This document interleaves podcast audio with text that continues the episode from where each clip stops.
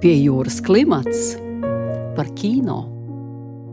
Labdien, mīļie radio klausītāji! 14. oktobrī tiks atklāts jau 8. Rīgas starptautiskais kinofestivāls, kurš arī šogad norisināsies gan klātienē, gan tiešsaistē, piedāvājot skatītājiem apmeklēt filmas gan kinoteātrī Splendid Palace, gan tās skatīties mājās. Festivālu atklās īpaša dokumentāla filma par leģendārā kino režisoru Roberto Rossellini dinastiju. Es piedzimu Rossellini, Tās veidotājs un arī galvenais varonis ir Rosalīnī vecākais mazdēls Alessandro, un šī filma ir tapusi kā koprodukcija ar Latviju. Viens no tās producentiem ir Uldis Cekulis no vidas filmu studijas, filmas operators ir Valdis Celmiņš, bet viens no scenārija autoriem ir Dāvis Sīmens. Filmas iniciators un viens no režisoriem, Alessandro Rosalīni, ir nolēmis ķerties pie kino, lai izmantotu to kā savu veidu terapiju, kurā risināt savas sarežģītās attiecības ar ģimeni. Alessandro ir atkopies no narkotiku atkarības, bet netiek galā ar kādu citu ligu, kurai pats devis nosaukumu Rosalīnīts. Kopā ar operatoru Valdu Celmiņu viņi dodas ceļojumā, lai uzmeklētu pa visu pasauli izkaisīto Rosalīnī dinastiju. Šī ir unikāla Itālijas-Latvijas koprodukcija, kur savieno Latvijas kino vidi ar Itālijas kino klasiku. Turklāt festivāla ietvaros 15. oktobrī būs iespēja piedalīties sarunās ar filmas radošo komandu gan no Latvijas, gan Itālijas. Toties šodienas studijā viesojas filmas Es piedzimu Rosalīnī operators Valdis Celmiņš un viens no scenārija autoriem Dāvis Sīmans. Sveicināti! Sveicināti! Labdien. Kā jūs nokļuvāt šajā projektā un cik ilgi jūs pie tā strādājāt? Paldi!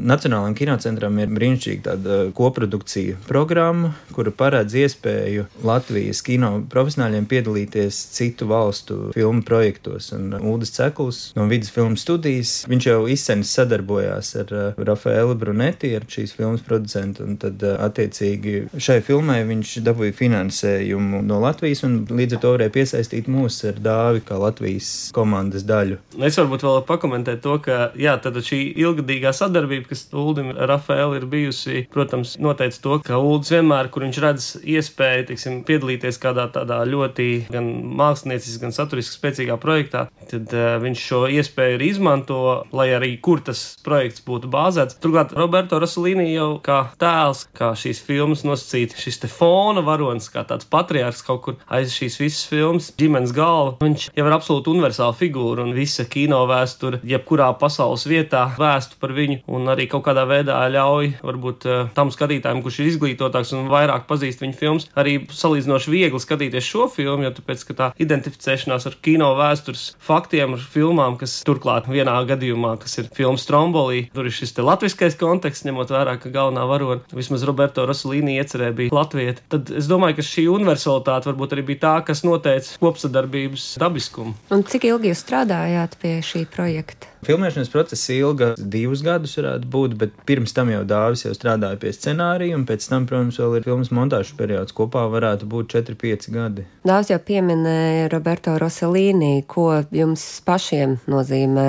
šis režisors. Nu, man laikam, ņemot vērā, ka Roberto Rosalīni filmas ik pa laikam mēs varam ieraudzīt arī Rīgā, kinoteātrī. Un viena no filmām, kas man ir satriekusi un ko es patiešām esmu redzējis kinozālē, turklāt uz kinolentes, tā ir filma Vācija 0. gads. Un priekš manis šī filma absolūti tāda satriecoša, tāds darbs, kurš, manuprāt, tādā ļoti delikātā, bet arī vienlaikus tādā satraucošā veidā parāda to, ko nozīmē kara seks, ko nozīmē būt tajā politiski nevēlamajā pusē, kas ir tātad kara zaudētājs. Šī visa Roberto Rosalīni spēja kaut kā paskatīties uz šo pēckara periodu kā uz tādu totālu sabrukumu un ilūziju sabrukumu un arī sociālu sabrukumu, manuprāt, tā ir neatsverama. Skaidrs, ka Roberto Rosalīni nav viens režisors visas savas karjeras garumā. Viņš ir ļoti mainīgs. Viņa agrīnais periods, kas ir vairāk saistīts ar šīm neoreālismu pēckara filmām, bet vēlāk jau, kad viņš kļūst stipri melodramatiskāks un ir pat kritiķi, kur uzskata, ka Roberto Rosalīni filmas tās, kuras seko Romai, atvērtai pilsētai, Paisai un Vācijai 0. gadam, ka pārējās filmas patiesībā ir viduvējas un ka viņas nemaz nav tik augstu jāvērtē kino vēstures kontekstā. Pie jūras klimats par kino. Vēl viens jautājums, Valda, tev. Tu esi ļoti plašu profilu operators. Tavuprāt, kas tīri darba stilistikā ir visatšķirīgākais strādājot spēles kino un strādājot dokumentālajā kino? Man liekas, ka tas ir absolūti vienojošs abos šajos kino veidos. Galvenais ir mēģināt izstāstīt to stāstu, kuru tajā brīdī ar to konkrēto ainu gribās izstāstīt. Un uh, milzīga starpība starp dokumentālo un spēles kino, man liekas, īsti nav. Protams, ja skatās dokumentālo kino kā uz tādu televīzijas dokumentālo kino, kur vienkārši safilmē intervijas, tad, protams, tas ir savādāks veids. Bet, ja tas ir dokumentālais kino, kurā tu satuvinies ar varoņiem un principā tu skaties uz viņiem kā uz aktieriem, kuri spēlē vēl nezināmu scenāriju, tad, man liekas, milzīga starpība nav tomēr tomēr. Un, ja jāizvēlās, es noteikti izvēlētos visforšāko stāstu un vislabāko režisoru. Ja Dāvis nāktu pie manis un teiktu, ka viņš grib filmēt animāciju, un viņai būtu brīnišķīgs stāsts, es ļoti labprāt filmētu ar viņu animāciju. Savukārt, ja viņam būtu citā žanrā tā ideja, un tā ideja būtu brīnišķīga, es filmētu tieši tajā. Es tā kā labprāt esmu zobens režisora rokās, vienalga ar ko jācīnās. Tieši šīs filmas kontekstā sanāk, ka viņa ir filmas režisoram, protams, ļoti terapeitiska un sanāk sevišķi tev būt klāt tādos ļoti intīmos ģimenes brīžos un bieži vien arī tādās nepatīkamās konflikta situācijās. Kā tu ar to tiec galā? Šīs filmas gadījumā ļoti palīdzēja valodas barjera. Nevis tādā ziņā, ka es neko nesaprotu, un tāpēc man vienalga, bet vairāk es domāju tajā ziņā, ka tiem varoņiem tomēr pārsvarā bija tā sajūta, ka komanda ir kaut kādi čuģiki no trešās pasaules valsts un īsti vai nu sazina, ko viņi mēģina darīt, ka viņi tomēr uztvēra to bišķi nenopietni. Un līdz ar to man liekas, tā iemesla dēļ bija vieglāk to izdarīt. Tieši tā barjera izveido to, ka tu norobežojies, viņi tev īsti nepieņem kā daļu no tās ģimenes, un ka tā ir tā viņu darīšana, un tie ir tie vērotāji no malas. Tas, es domāju, kaut kādā veidā arī eh, pat palīdzēja tā distancētība. Jo vispār dokumentālā komandā bieži vien ir tā jāsadala tās lomas, ka viens dibina attiecības, un otrs viņas apzināti nedibina, lai varonis meklētu kontaktu ar vienu, nemeklētu ar otru. Līdz ar to, man liekas, jā, tā valodas barjera bija tā, kas tā dabīgā veidā to palīdzēja izveidot. Pie jūras klimats par kino. Dāvi, tu esi primāri pazīstams kā režisors. Kā bija iekāpt scenārista kurpēs un kas bija tie lielākie izaicinājumi? Nē, nu es domāju, ka lielāka izaicinājuma, protams, ir apspiest arī režisoru, kurš vēlās režisēt šo filmu. Jo skaidrs, ka tajā brīdī, kad tu iesaisties šajā scenārija radīšanas procesā, tu jau iztēlojies ainas, tu iztēlojies situācijas, un pēc tam, tā, kad tev ir liekta šī iespēja viņas realizēt dzīvē, ir liekta iespēja režisēt, tā ir tāda ļoti īpatnēja priekš manis arī iespējams terapeitiska situācija. Bet tieši tas man arī likās interesanti, jo Ulda piedāvājums piedalīties scenārija rakstīšanā un patiešām tādas ļoti regulāras viesošanās Romā, kur mēs kopā ar visu pārējo radošo komandu strādājām pie šī scenārija un mēģinājām atrast dažādu veidu, nu, teiksim, tādus atslēgas punktus, atslēgas situācijas, kuras varētu kā, risināt filmas dramaturģiju, jo tas mugurkauls apmēram bija skaidrs, jo ir tātad galvenais varonis Alessandro Rosalīni, Roberto Rosalīni mazdēls, kurš savā ziņā gan šīs ģimenes posms un slavas rezultātā, gan arī varbūt vienkārši sava psiholoģiskā vājuma rezultātā nav dzīvē pietiekami realizējies, vismaz nav realizējies tajā veidā, kā viņš to būtu vēlējies. Un ir šī ģimene, ir Roberto Rosalīni bērni, kuri tad attiecīgi veido šo filmu centrālo saturu bet kaut kādā veidā tur vajadzēja atrast tādus dramaturgiskus punktus. Un to, protams, darīt neticami interesanti, jo tur ir iesaistīta gan kino vēsture, kas man vienmēr ir bijusi ļoti tuva. Tur ir iesaistīta Itālijas kultūra, kas arī man ir ļoti tuva. Un ļoti daudz šie elementi, kas šo procesu padarīja ļoti, ļoti baudāmu. Tā arī bija vienlaikus cīņa, tā arī bija kaut kāda veida mēģinājums pārliecināt par savu viedokli, un nevienmēr man varbūt izdevās līdz galam to izdarīt, bet tas process, manuprāt, bija ļoti, ļoti radošs un spēcīgs. Un no tā viedokļa, piemēram, šobrīd es pilnīgi noteikti varu teikt, ka esmu gatavs rakstīt arī citus dokumentālo filmu scenārijus. Turklāt, varbūt ir pirmo reizi tas gadījums, kad es vispār saprotu, ko nozīmē tāds diezgan precīzs dokumentālā kino scenārijs. Jo iepriekš, tad, kad tu pats savām filmām viņus veidot, tu it kā tu iztēlojies, un tad to mēģini realizēt, nu tas kaut kur varbūt tur 70% vai 60%. Nu, jo skaidrs, ka tos realitātes notikumus tu jau nevari paredzēt, kā pagriezīsies tā situācija. Šeit savā ziņā diezgan daudz kas bija jau ieprogrammēts scenārija līmenī. Ja? Un tas man likās ļoti interesanti arī man pašam priekš pieredzi saprast, kā tu vari savā ziņā paredzēt to, kas notiks kameras priekšā. Un ne tikai paredzēt, bet arī piedāvāt, inicijēt kā kaut kādā veidā, lai kaut kas notiktu. Un tas, manuprāt, ir tāds arī priekš manis ļoti pieredzēji nozīmīgs punkts. Filmā Alessandro Rosalīni runā par šo savas dzimtas it kā slimību, kurai viņš ir devis šo savu izdomāto nosaukumu Rosalīnīts. Kā jūs izprotat šo terminu un kā jums šķiet, vai kaut kas tāds vispār eksistē, jo arī filmā pārējie radinieki tā diezgan skeptiski attiecas pret šo viņa ideju? Mūsdienās, man liekas, ir ļoti izplatīts vainot savus vecākus visās savās problēmās. Un Alessandro gadījumā nu, viņš vaino savus vecākus.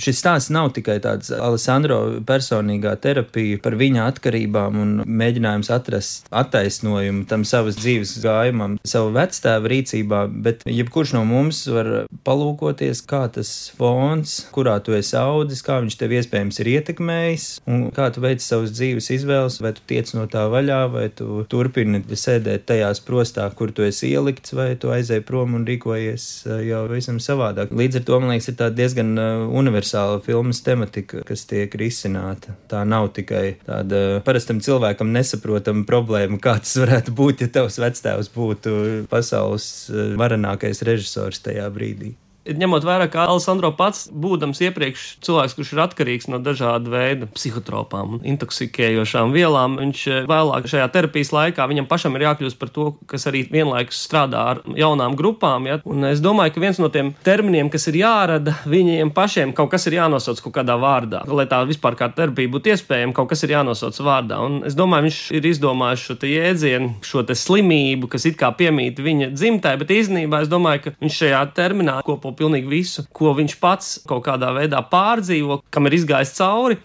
Šī gan emocionālā, gan psiholoģiskā, gan iespējams ļoti arī sociālā pieredze, kas viņam ir bijusi, viņa kļūst par šo projekciju, ko viņš projicē uz to dzimtu. Visticamākais, ka dzimtas lielākajai daļai locekļu tas maz nav tik svarīgi, jo viņi dzīvo bieži vien ļoti greznu, slavas pilnu dzīvi, un tas, kā viņus apzīmē viņu radinieks, nu, tas viņus maz interesē. Bet es domāju, ka tas ir tieši kaut kā tajā terapijas kontekstā, tas ir nepieciešams viņam, kur viņš apkopo visu, ko viņš par sevi var pateikt. Viņš apkopo šajā jēdzienā, un tad viņu projicē it kā uz to dzimtu, bet īsnībā es domāju, ka skatītājs arī saprot, ka viņš vienlaikus tādā veidā stāsta pats par sevi.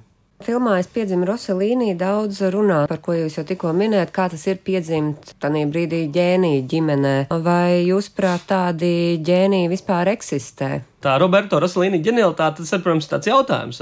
Tas, kāpēc viņš visticamākais ir ģēnijs, ir tas, ka viņš tomēr sāka veidot filmas gandrīz no tādas nulles pieredzes. Lai gan viņš bija strādājis arī par asistentu pie pietiekami slaveniem režisoriem, bet viņam nebija tāds gatavais komplekts, vai ne, un arī kaut kāda tāda ļoti izvērsta kino izglītība, kuras tajā laikā vienkārši nebija. Tā bija vairāk tā, prakses izglītība, uz kuras būvēt savu māksliniecisko domu. Un no tā viedokļa viņš, protams, ir ģēnijs, jo viņš veido no nekā kaut ko ko absolūti izcili. Jā, jo sevišķi, kā jau es teicu par to agrīno periodu, tām filmām, kas ir no absolūti tādas neoreālismu pērles un bieži vien tiek uzskatīts arī par pirmajām tādām īstajām neoreālismu filmām. Bet tas, kas attiecās uz to ģenialitāti, es domāju, pirmām kārtām ģēnija laikmets ir pagājis. Ģēnija laikmets tas ir laikmets, kas varbūt vēl līdz otram pasaules karam mazliet pēc tā vēl varēja pastāvēt, bet tieši tas iespējams, ka ģenialitāte kā kaut kas arī vienlaikus ļoti, ļoti ekspansīvi radošs, bet vienlaikus arī iznīcinošs. Savā ziņā ir arī atbildīgs par visām visām tām nelaimēm vai katastrofām, kas 20. gadsimta pirmajā pusē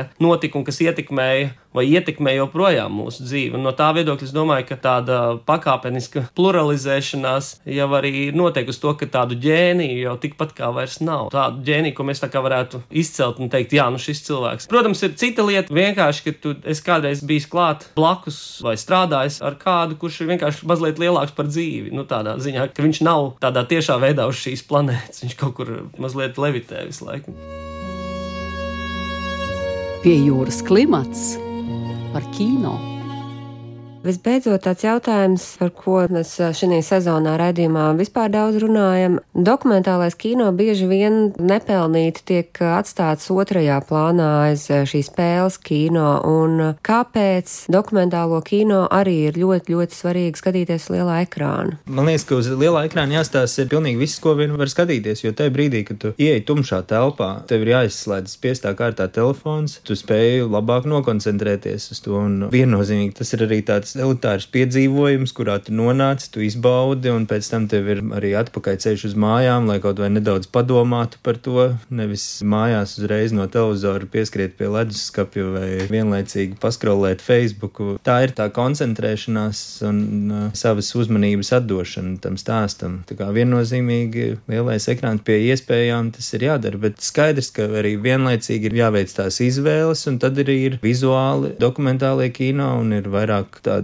tīri uz stāstījumiem balstīti, un tad tā varbūt ir tā izvēle, kurā pieņem to lēmumu, uz kuru doties uz kino. Ja nevar uz visu aiziet, un ja visu nerāda, bet kopumā man liekas, ka tā vienkārši cita veida pieredze, to nav vērts salīdzināt. Nu, man liekas, arī mūsdienās dokumentālais kino mazliet ir zaudējis to status, bet tieši vairāk varbūt Latvijā, ne tik daudz citur pasaulē, kur mēs redzam tieši otrādi ļoti lielu izaugsmi skatītāju skaita ziņā attiecībā uz dokumentālo kino. Bet tā galvenā problēma, manuprāt, dokumentālā kino novērtējumā vai nevērtēšanā ir tas, ka dokumentālās kino atšķirībā no spēles kino, spēles kino rada kaut kādu tādu pasauli, kur savā ziņā ir no mums attālināta. Mēs pārceļam sevi tajā stāstu pasaulē, un tomēr mēs no viņas esam kaut kādā veidā atsvešināti. Un šī distance skatītājiem ļoti ērta, jo viņš tā kā uz to mirkli pavadīja spēles filmā, un viņam ir kaut kādā ziņā tāda komforta sajūta, ka viņš te var paskatīties apkārt, pieredzēt cilvēku ciešanas vai tieši otrādi baudas, un tad atgriezties atpakaļ un teikt, tā, tā jau ir cita pasaule, tā jau nav mana pasaule. Tas, kas attiecas uz dokumentālo kino, tieši otrādi. Dokumentālais kino visu laiku nepārtraukti ar pirkstu baksta un saka, tā ir pasaule, kurā tu dzīvo, tā ir sabiedrība, kurā tu dzīvo, tas ir problēmas, un vienmēr dokumentāls films tādā vai citā veidā ir sociāli kritisks, un viņš vienmēr norāda tev, ka tu esi šīs sabiedrības, šīs pasaules daļa. Un tā, protams, nav tā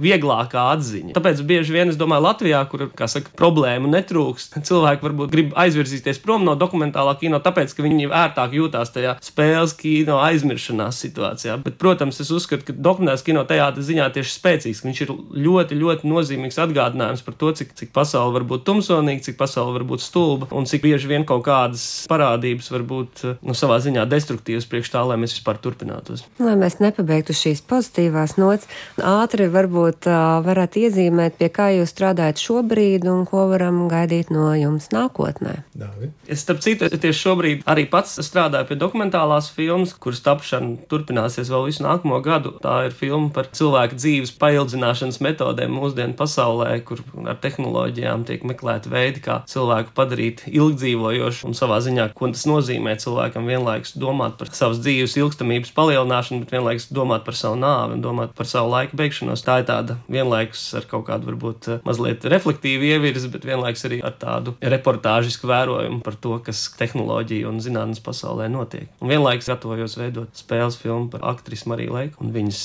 dzīves pēdējo posmu. Es šobrīd, principā, tuvāko nedēļu laikā pabeidzu krāsu korekciju Uģa Altes pirmajai spēles filmai Upurga, kura tiks pirmizrādīta Black Nights festivālā Igaunijā. Tā rudens pusē filmēju Raigaru Graubu, viņa nedaudz autobiogrāfisko filmu par grupu Jumprava, kas būs, man liekas, brīnišķīgs, super pozitīvs mūzikls ģimenēm, nedaudz nostalģiskām ģimenēm, vai varbūt tieši pretēji kādam, kurš gribēs atklāt pārdesmit gadu veco pagātni. Šim gadam tie ir tā galvenie punkti. Paldies jums par sarunu. Paldies! Paldies! Paldies, ka klausījāties un tiekamies festivālā.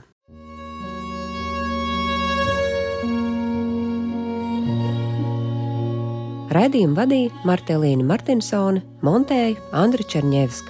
Raidījumu pie jūras klimats producente Inga Saksone. Raidījums tapis ar valsts kultūra kapitāla fonda finansiālu atbalstu.